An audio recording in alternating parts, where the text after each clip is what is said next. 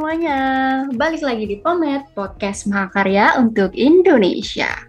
Wah gak kerasa nih ya, udah tahun 2022, cepet banget. Baru aja kemarin kayaknya aku baru ngerasa, ini baru bulan Januari gitu, sekarang udah masuk ke bulan Februari. Cepet gitu ya waktunya.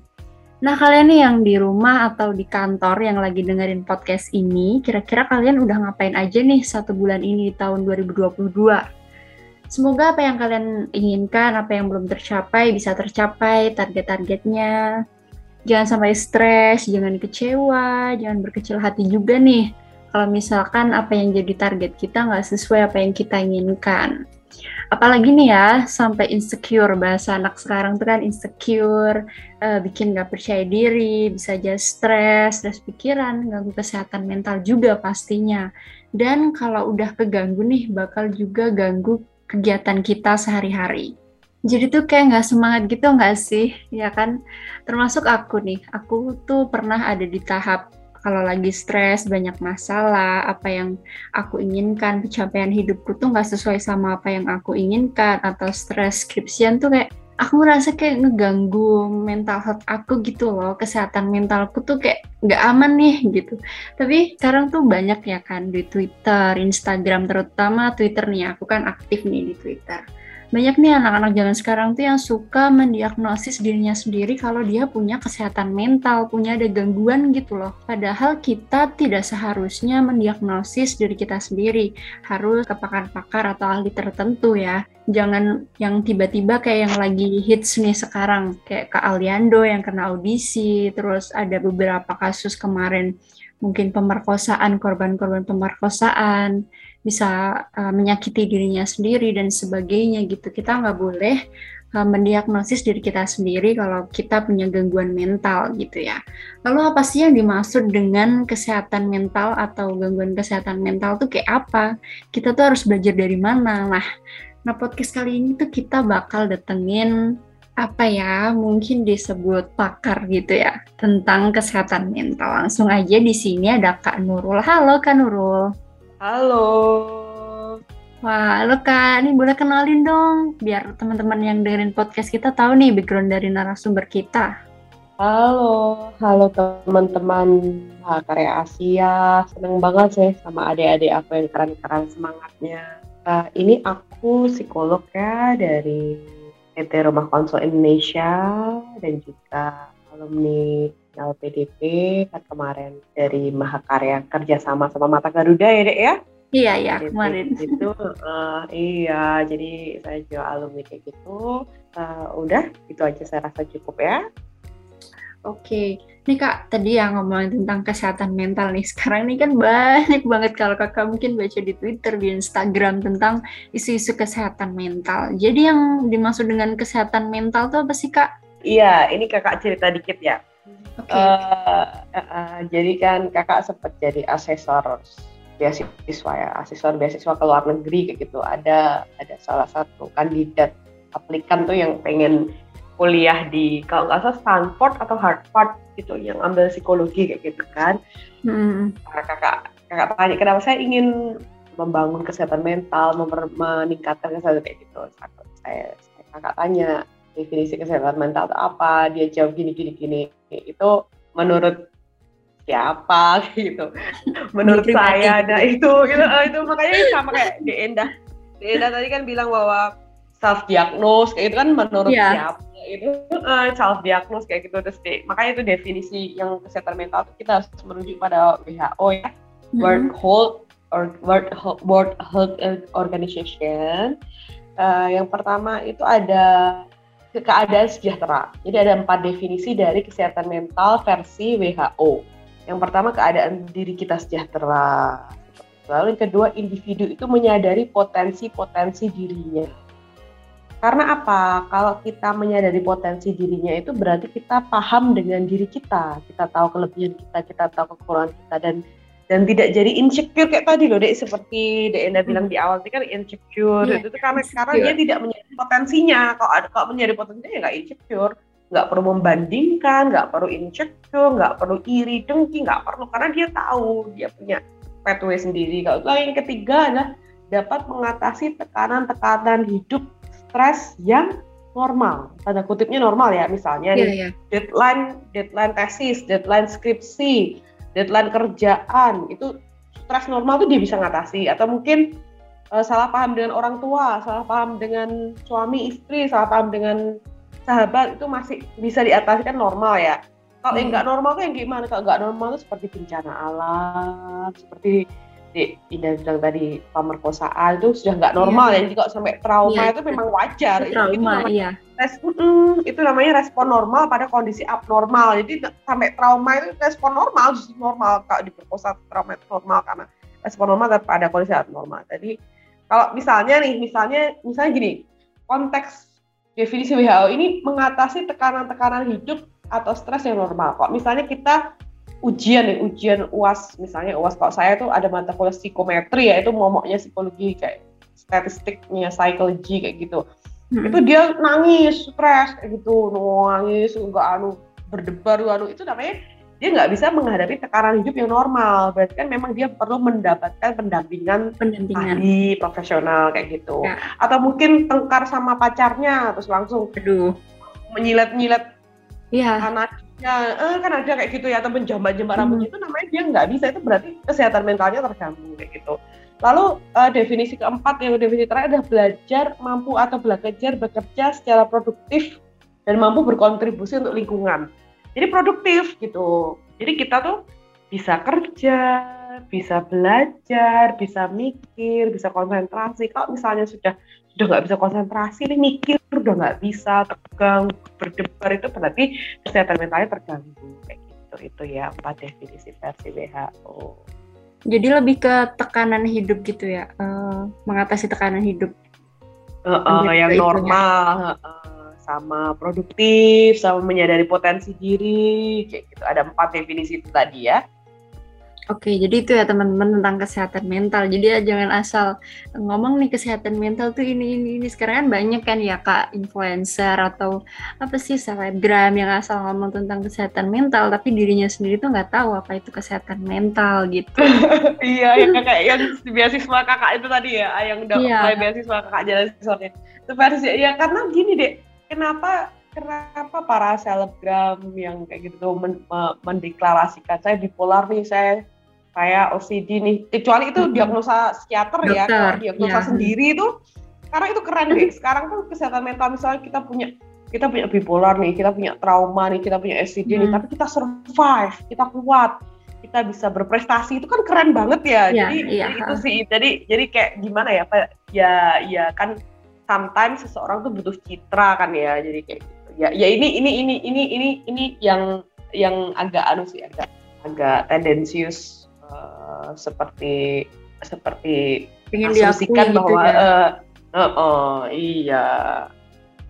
Oke, okay. tapi ngomong-ngomong tentang pengen diakui nih, sekarang nih kak di sosmed sosmed ya, apalagi di Instagram nih lagi uh, genjar-genjarnya healing, self love, apalah, jadi kayak narsis gitu di sosmed pamer-pamer, ya aku lagi healing, aku lagi self love dan sebagainya. Itu kan malah menurut aku sendiri ya kak, kayak apa ya over over percaya diri terus kayak terkesan sombong narsis gitu di sosmed.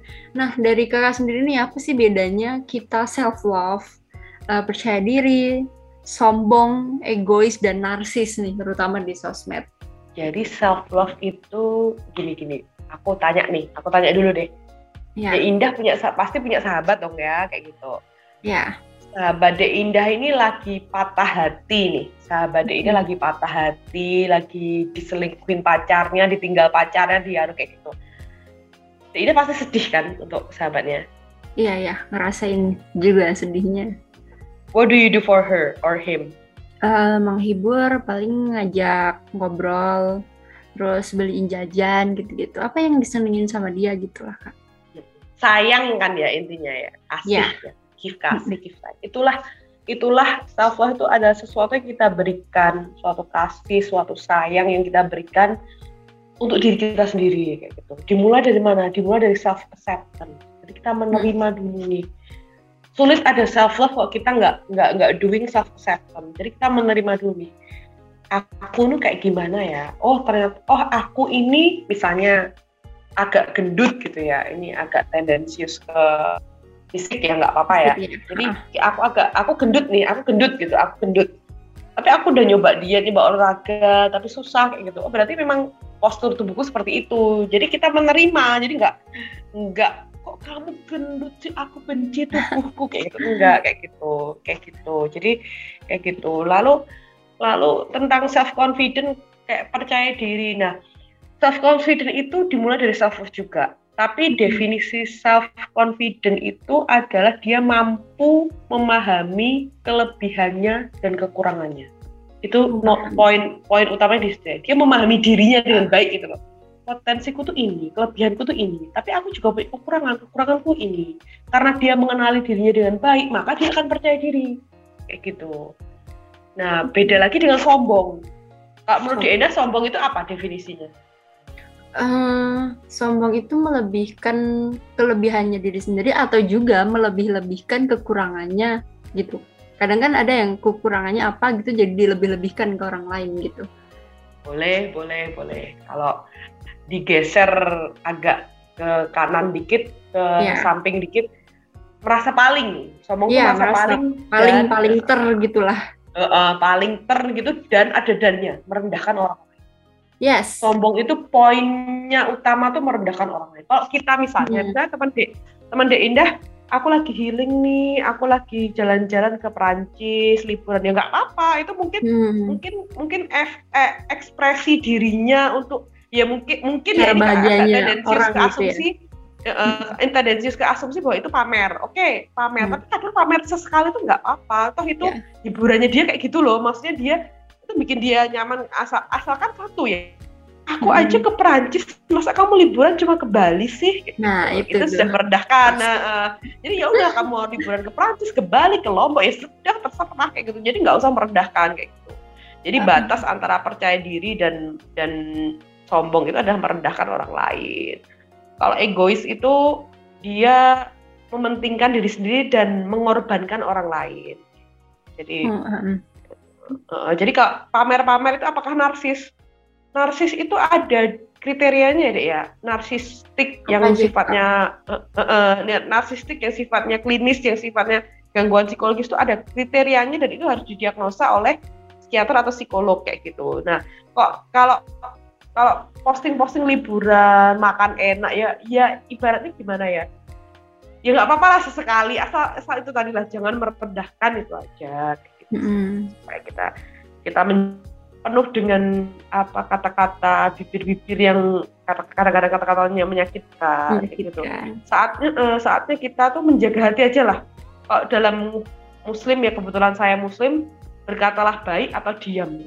Yes. Jadi kita kok uh, kita ngomong baik aja, enggak baik, diam aja lah, nggak usah nyinyir, nggak usah nggak usah komentar-komentar yang sifatnya melukai hati, bibir-bibir yang menyakitkan gitu kan, ya udah nggak usah lah. Merendahkan tuh ngapain ya. sih kayak gitu? Itu sih. Sekarang lebih ke jari sih kak daripada mulut ya. Uh, uh, lebih iya, ke jari. Uh, uh, uh, jempol ya jempolmu harimaumu ya dek ya? Iya kalau sekarang udah ganti sekarang udah pakai jari uh, jempol. uh, uh, jempolmu harimaumu. Oke oke. Nah kak untuk ini nih kita buat ngejaga kesehatan mental tuh gimana sih? Dan juga uh, cara kita itu memperlakukan atau bersikap ke teman atau saudara kita di sekitar kita nih yang misalkan mempunyai uh, gangguan kesehatan mental itu gimana kak? Jadi cara kita menjaga kesehatan mental yang terbaik ya, menurut saya ini terbaik ya. Mm -mm. Karena ini saya sekali lagi saya nggak merujuk pada diri saya sendiri, tapi merujuk pada mm. pendapat psikiater hebat yang penuh kasih ya, bernama Dr. Lima Sutanto. Dr. Lima hmm. Sutanto itu mantan Asia Pasifik psikoterapis. Hmm. Beliau mengatakan the healthiest at, uh, realistic is the healthiest attitude. Hmm. Yang pertama itu ya, jadi realistis adalah sikap yang paling sehat. Realistis, uh, realistis, realistis nggak nggak perlu berhayal, nggak perlu. Jadi realistis aja lah. Semua tuh dilihat apa adanya. Lalu yang kedua, kalau kata dokter Dimas tuh berusahalah semaksimal mungkin mampumu, selebihnya lepaskan. Jadi kita, apalagi Universitas Mahakarya Asia ini perlu perlu me, menyemangati mahasiswanya supaya do the best. Bahkan itu jadi moto kalau perlu. Do the best, hmm. service the best, learn the best, teach the best. Jadi lakukan semua itu yang benar-benar yang terbaik semampu kita. Karena kalau kita nggak melakukan setengah-setengah, soal ini mending nggak usah lah. Nanti nyesel loh nanti kayak gitu. Karena itu melakukan yang terbaik itu suatu wujud profesionalisme itu. Tapi semampu kita ya kalau kita memang memang mampunya ya sudah lalu selebihnya lepaskan itu sehat itu sehat yeah. mental banget tahu Karena batas diri kita, gitulah ya kak dan itu dek kenapa aku bilang lepaskan ada ada tangan yang lebih berkuasa untuk menentukan hasil yaitu Tuhan ya Tuhan. Ya. Tuh, jadi coba dek dek indah rasakan berusaha semaksimal mungkin semampu selebihnya lepaskan. Rasakan kata lepaskan itu kan enteng ya itu di dada itu enteng gitu loh. Gitu. Biar nggak kebeban gitu ya kak. Mm-mm. jadi nggak nggak demanding ourselves to high gitu. Jadi nggak nuntut diri sendiri secara berlebihan kayak gitu. Tapi kak ini nih kadang kan self love tiap orang tuh beda-beda ya kak. Mm-hmm. gimana cara kita buat uh, eh, self love itu nggak berlebihan? Nih kak ini udah ada di sekitar Endah nih ya self love kadang kan tiap orang beda-beda nih ada yang makan banyak ada yang jalan-jalan ada yang cuma men menyendiri self love-nya tapi tuh kak sekarang itu ada yang apa ya boros berkedok self love jadi gimana oh. sih kak oh. cara apa ya tahu batas diri tentang self love kita itu gimana gitu. Kadang udah sampai yang boros habisin uang. Nah habis uang kan ini menimbulkan masalah lagi stres lagi gitu kan berulang-ulang gitu terus. Mm -hmm. gimana tuh kak? Mm -hmm. Balik lagi ke kalimat dokter Limas tadi. Berusaha semaksimal mungkin belum belum yang kedua. Berusaha semaksimal mungkin semampumu. Semampumu. Ya kata-kata semampumu itu juga penting karena kita kita yang mengukur kayak gitu kita yang mengukur budgeting kita sebulan. Budgeting itu penting ya. Kalau yeah. kalian follow, kalian perlu deh follow-follow kayak Mbak Prita Gozil, yeah, Ina Hananto, uh, Ina Hananto, Andika Diskartes Andika, itu, uh. Uh, itu perlu di ya mungkin itu jauh ya maksudnya kan itu investasi dan yang ibaratnya sudah high high yes. high income dan sebagainya nggak apa-apa tapi yang penting tuh poin dari beliau beliau itu yang perlu kita pegang itu budgeting jadi segala sesuatu itu perlu dibudgeting, apalagi mahasiswa ya. Kalian kan mahasiswa, mahasiswa itu perlu budgeting setiap bulan tuh kalian tahu kebutuhan kalian apa. Ya. Jadi kalian tahu budget untuk self love-nya itu berapa. Ya sudah terus gitu aja. Kok perlu taruh amplop ini amplop self love kayak gitu. Jadi buat bioskop kayak beli kardigan kayak beli pasmina kayak atau makan es krim yang Baskin Robin yang paling enak level Baskin Robin level paling mahal gitu kayak gitu. Paling mahal. So, tapi budgetnya ya sudah segitu kayak gitu, jangan lebih itu. Nah itu tuh teman-teman yang lagi dengerin podcast, dengerin tuh. Jadi kita harus tahu nih batas kita, semampu kita. Apalagi jangan sampai boros ya. Sekarang udah banyak nih self healing, self love itu semua ngeborosin uang sampai utang. Apa nah, utang demi uh, pinjol kan sekarang kayak ya. Jadi wah aku utang nih buat Shopee, Shopee pay letter kayak gitu. Aduh, iya, sampai jutaan tuh. itu, itu kan sudah ibaratnya sudah beyond our capacity kan, sudah melebihi kapasitas diri kita, memaksakan diri, ibaratnya sudah tidak sudah di luar kemampuan kita. Kayak gitu sih. Balik ke kalimat dokter Limas tadi. Oke, okay, oke. Okay. Nah kak, eh, Endah nih kan ada nih di sekitar Endah yang mungkin punya, menurut Endah pribadi dia mempunyai gangguan kesehatan mental gitu. Dan itu penyakitnya selalu berulang-ulang terus. Nah kita tuh sebagai orang yang di sekitarnya kan kak kan kita peduli nih kita tuh pengen ngomong sama dia kamu tuh harus ke psikolog atau kamu harus ke dokter atau psikiater dan lainnya tapi Endah sendiri atau teman-teman Endah yang lain tuh kayak takut tersinggung gitu loh kak. Nah itu gimana cara kita menyampaikan ke orang itu kalau, hei kamu tuh harus ke dokter, kamu harus ke ini ini itu gitu. Kadang kita takut banget kalau dianya tersinggung malah bikin stres, dia jadi down atau insecure gitu kak. Kita effort lebih kita effort lebih. Jadi dalam artian gini misalnya misalnya kelihatannya jalannya apa nih? Jalannya misalnya menangis berlebihan atau hmm. tertawa berlebihan bahagia berlebihan kan kalau, orang bipolar tuh dua kutub ya seneng berlebihan hmm. atau sedih berlebihan kayak gitu itu kita udah melihat tanda-tanda itu sampai gini kakak, kakak tuh meyakini cara cara paling manis untuk mereminder orang tuh dengan santai, dengan santai aja. Jadi nggak nggak menggurui, nggak harus eh aku denger misalnya ada relief ibunda, terus rumah konsul yang anu kakak ini kan video-video psikologi kan pasti pasti punya postingan-postingan eh ini ada dulu eh kemarin aku anu lihat postingannya rumah konsul nih di Instagramnya rumah konsul atau rumah Instagramnya ibunda kayak atau apa pun lah kayak gitu. Itu ada uh, ada ada gejala bipolar tuh kayak gini. Uh, kok anu ya kok kamu kayaknya ada ada sedikit kemiripan ya?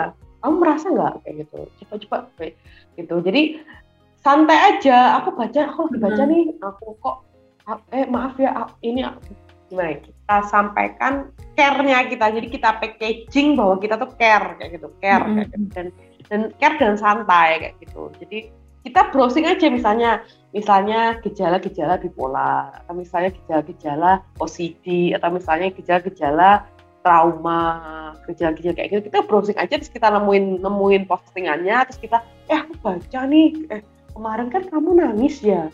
Nangis sampai tiga hari terus-terusan nangis terus. Aku, aku, aku khawatir coba deh kamu baca postingan ini. Gitu.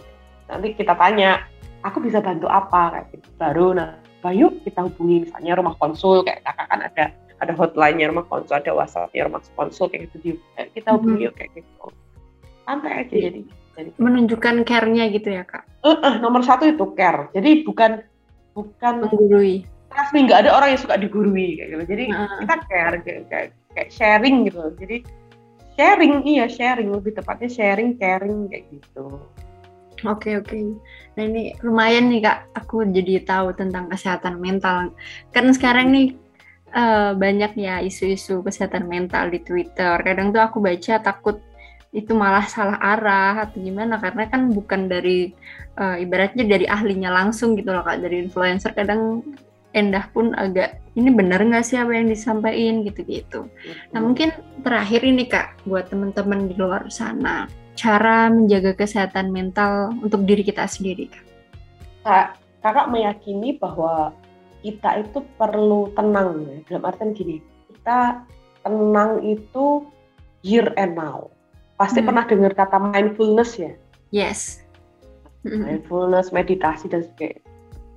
Simpelnya konsep inti dari mindfulness itu adalah kita sadar akan keberadaan kita di sini dan sekarang di sini dan saat ini gitu. Jadi kita nggak mikir masa lalu, kita nggak mikir nggak khawatir masa depan. Aku sedih nih masa lalu ya sudah masa lalu tuh. Dek, Dek Endah tahu, Dek Indah tahu kayu yang diparut ada ada serbuk kayu itu Dek. Tahu tahu tahu tahu dekat rumah yang kayu biasa diparut diperhalus kan biasanya ada ada uh, kursi meja kan serbuk kayunya diperhalus kayak gitu. Kak, yeah. Kakak tanya nih, serbuk kayu itu bisa jadi kayu lagi nggak? Uh, enggak, Enggak, itulah masa lalu. Itulah masa lalu. Se stres apa pun kita memikirkannya, menangis saja itu nggak bakalan jadi kayu lagi kayak gitu. Seperti itu pula masa depan. Masa depan tuh ibaratnya ya misteri itu tangan hanya Tuhan yang yang tahu kayak gitu ya. Udah here and now di sini dan sekarang itu paling sehat ya. Dan kalau mau meditasi itu boleh kakak kakak share cara meditasi. Kakak belum rutin sih meditasi, tapi kalau kalau mau mau yang lebih lengkap bisa bisa browsing wiki how di meditation meditation teknik atau mungkin ikut kelas-kelas meditasi monggo. Kalau mm -hmm. kakak kemarin anu di wiki how kayak gitu meditation meditation teknik teknik uh, cara meditasi kayak gitu. Nah, ini ini ini kakak sharingkan cara sederhananya ya. Monggo kalau mau ikut kelas-kelas siapa gitu. uh, Jadi gini, kamu duduk misalnya kalau kakak itu habis subuh dan habis maghrib tapi kakak belum rutin kakak belum konsisten. Duduk hmm. di alarm awal-awal tuh di alarm dulu. Kakak tuh dulu biasanya 5 menit 7 menit gitu. Tutup mata tarik nafas pelan-pelan empat kali tahan empat kali lalu lepaskan empat satu dua tiga empat tahan satu dua tiga empat tahan lalu lepaskan empat kali. Dan pikiran kalian tuh mengamati nafas. Kalian nggak mikir apa pun. Yang kalian amati itu nafas. Nafas. Rasakan saat menarik nafas itu dirasakan, diamati. Amati, mengobservasi nafas kita sendiri. Mengobservasi saat kita menghirup nafas. Mengobservasi saat kita menahan nafas lalu melepas nafas kayak gitu. Itu itu enak banget di kepala setelah setelah lima menit. Itu doang. Kalau mau. Tapi kalau mau gitu yang ya. lebih uh, uh, kalau mau mau anu mau gue ikut-ikut kelas atau apa cuma basicnya tuh seperti itu kayak gitu Wah, lumayan nih teman-teman yang lagi dengerin podcast bisa dapat ilmu tentang kesehatan mental dan juga meditasi dan sebagainya tadi. Thank you Kak Nurul udah mau share nih sama kita di podcast ini. welcome. Semoga bermanfaat ya. Oke. Jangan kasih kendor kalau kuliah ajang foto orang tua di kamar yang besar. Udah banyak ditempel semua sekamar. Kamarnya isinya foto orang tua ya? Gak foto foto pacar? Orang tua, keluarga, pacar ada, teman ada, organisasi ada. Iya, kan sama. Iya. Beneran okay, loh. Gini, hmm. ini bentar aku tambahin ya. Kalian itu bisa kuliah tuh privilege loh. Iya, alhamdulillah. Beneran, beneran privilege. Banyak banyak teman-teman kakak tuh beberapa dan juga kenalan kakak dan juga klien kakak itu ada yang nggak bisa kuliah karena menikah. Jadi karena harus lulus SMA harus menikah. Ada juga yang harus bekerja harus bekerja menghidupi keluarga jadi nggak bisa kuliah. Jadi benar kalian kuliah tuh kalau sampai kalian kalian itu malas-malesan terus tidur begadang aduh itu oh ya bentar kakak tambahin dikit lagi ya? kalau itu. Uh, begadang itu wujud antitesisnya self love. Jadi self love itu termasuk kita sayang pada diri kita, berarti kita tahu kapan kita harus istirahat. Uh, Bu Ainun, istrinya Pak Habibie kan dokter ya. Nah. Kalau nggak percaya, silahkan tonton film Habibie Ainun satu yang Reza Radian sama Bunga Citra Lestari. Itu ada scene bahwa Pak Habibie kan gadang, Pak Habibie kan workaholic kayak gitu. Bu Ainun tuh bilang, Mas, kamu harus tidur kamu harus adil pada tubuh. Kamu nggak bisa zolim pada tubuh. Istirahat mas. Itu wujud self love ya. Iya. Gitu. semangat semua kuliahnya ya. Siap-siap. Thank you Nurul. Aduh semangat jadi semangat dan ya kak lancar skripsianku. Bisa, amin bisa, amin. Oke, okay, see you Kak Nurul. Thank you ya. Yeah, you're welcome. Nah, buat teman-teman nih terus pantengin kita ya di sini karena bakal ada episode-episode seru lainnya dengan narasumber lainnya di podcast kita. Jangan lupa untuk follow Instagram kami di @mahakarya.asia atau di web kita di unmaha.ac.id. Oke, aku Indah. See you on, the, on the next Pomet podcast Mahakarya untuk Indonesia. Bye.